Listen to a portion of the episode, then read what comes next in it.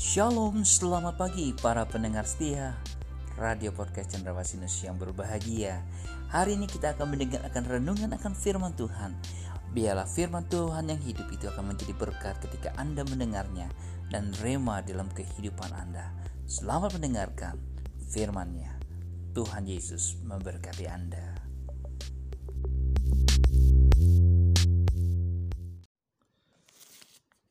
Shalom Bapak Ibu Saudara kasih Tuhan, selamat pagi, salam sejahtera, kasih anugerah yang berlimpah bagi kita semua di mana pun Bapak Ibu Saudaraku berada.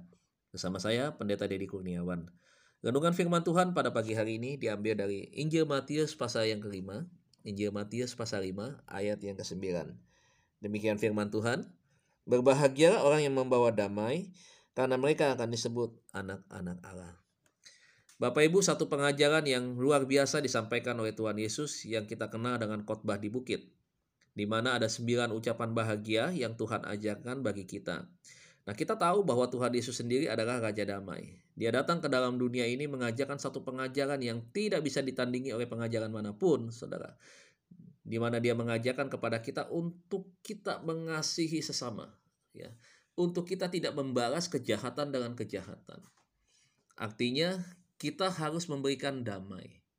Kita harus memberikan kesejukan. Kita tidak boleh punya musuh. Kita harus mengasihi musuh kita. Ya.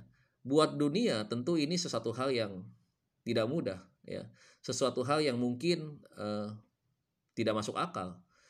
Tapi dengan iman, percaya kita kepada Tuhan, ya, ini bukan sesuatu hal yang tidak mungkin, ya, bukan satu hal yang sulit untuk kita lakukan.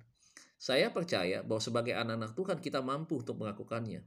Dan Tuhan mau saudara dan saya untuk mempraktekkan apa yang Tuhan sudah ajarkan ini di tengah-tengah kehidupan kekristenan kita. Mari kita menjadi orang Kristen yang kita memiliki kasih. Dunia ini sedang kehilangan kasih. Ada banyak begitu konflik terjadi di mana-mana, saudaraku. Tidak hanya antar negara konflik yang terjadi, tetapi berapa banyak hubungan kita sebagai makhluk sosial sering kali berbenturan dengan kepentingan. Seringkali berbenturan dengan apa yang namanya konflik, permusuhan, perbedaan pendapat. Bahkan kepada hal-hal yang lebih serius lagi, saudara. Nah, hari ini kita memahami ya bahwa Tuhan Yesus datang ke dalam dunia ini pun dia membawa tiga misi. Ada tiga misi yang dia bawa ke dalam dunia ini. Yang pertama dia datang untuk mendamaikan manusia berdosa kepada Allah. Itu yang pertama. Roma 5 ayat yang 10 ya. Roma 5 ayat yang 10. Yang kedua, dia datang untuk memberikan damai bagi seisi dunia ini. Ya. Dia datang untuk memberikan kedamaian. Dia mengajarkan untuk kita saling menghargai. Untuk bagaimana dunia ini, saudaraku, ya hidup di dalam satu ketentraman, damai sejahtera, sukacita yang besar. Ya. Itu yang kedua. Yang ketiga adalah bagaimana satu kali kelak dia akan datang ke dalam dunia ini, kedatangan yang kedua kali, untuk dia memimpin di dalam kerajaan seribu tahun damai sebagai Raja Damai. Ya, itu tiga misi Tuhan Yesus datang ke dalam dunia ini. Nah lantas bagaimana dengan kita? Nah saya mau kasih tahu saudara, bahwa untuk kita menjadi anak-anak Allah yang membawa damai, ya ada tiga hal yang harus kita lakukan yang harus kita pahami yang pertama kita harus berdamai dengan diri kita sendiri. Maksudnya apa? Maksudnya adalah supaya kita bisa membereskan hal-hal yang selama ini ya, selama kita belum mengenal Tuhan, ya, itu adalah sesuatu hal yang mengganjal kita. Misalkan ya ada luka batin, ya, akar pahit, ya, kemudian kebencian, ya dendam yang berkepanjangan. Nah, ini harus dibuang, jangan disimpan. Kalau ini disimpan, ya kita tidak mungkin bisa menjadi anak-anak Tuhan yang bisa bertumbuh maksimal dan menghasilkan buah.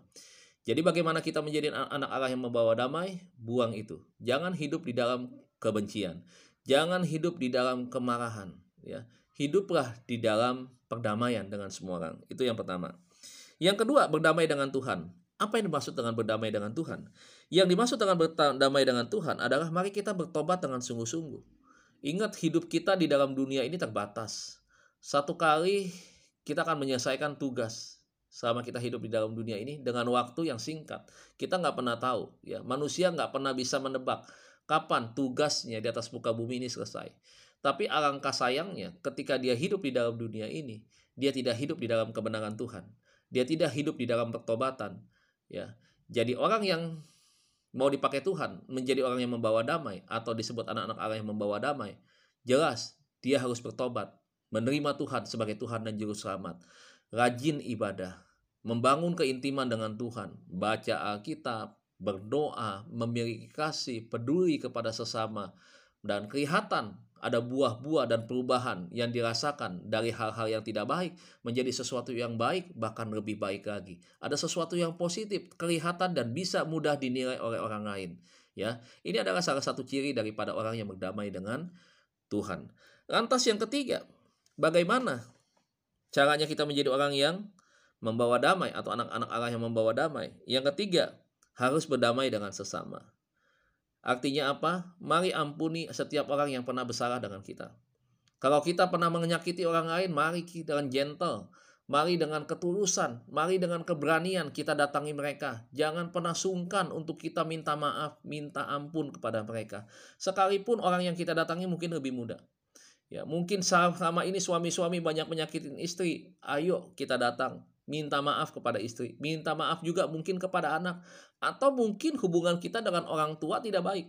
Kita harus berdamai, kita harus memohon ampun sama Tuhan dan meminta maaf kepada orang yang kita sakiti. Ya. Jadi dari mana kita bisa mengasihi sesama? Tidak mungkin kalau kita tidak bisa berdamai dengan orang terdekat kita. Jadi saya mau bilang Berdamai dengan sesama dimulai ketika kita bisa berdamai dengan keluarga kita terlebih dahulu. Setelah kita bisa berdamai dengan keluarga kita terlebih dahulu, maka kita bisa baru bisa berdamai dengan sesama kita, dengan teman kantor kita, dengan partner bisnis kita, dengan teman kuliah kita, dengan teman pelayanan kita, di mana pun Pak Bu. Kita menjadi orang yang betul-betul bisa membawa damai, bisa memberikan kesejukan buat orang lain. Inilah yang Tuhan mau kita menjadi pelaku firman Tuhan, bukan cuma pendengar saja. Jadi apa yang kita dengar pada pagi hari ini, yang Tuhan Yesus ajarkan kepada kita, akan menuntun kita menjadi pribadi-pribadi yang memuliakan Tuhan lewat kehidupan kita. Mari kita menjadi juru damainya Tuhan. Mari kita menjadi orang-orang yang tidak suka konflik, yang membenci pertengkaran, permusuhan, keributan, dan sebagainya. Tetapi mari kita hadir di tengah-tengah orang yang berkonflik untuk kita bisa memberikan satu respon damai sehingga orang bisa merasakan wah damai yang begitu besar yang kita bisa kerjakan karena sebagai sebuah tanggung jawab kita, tugas kita sebagai anak-anak Tuhan. Kiranya Tuhan Yesus memberkati kita semua maju terus di dalam Tuhan. Selamat beraktivitas. Tuhan Yesus memberkati. Amin.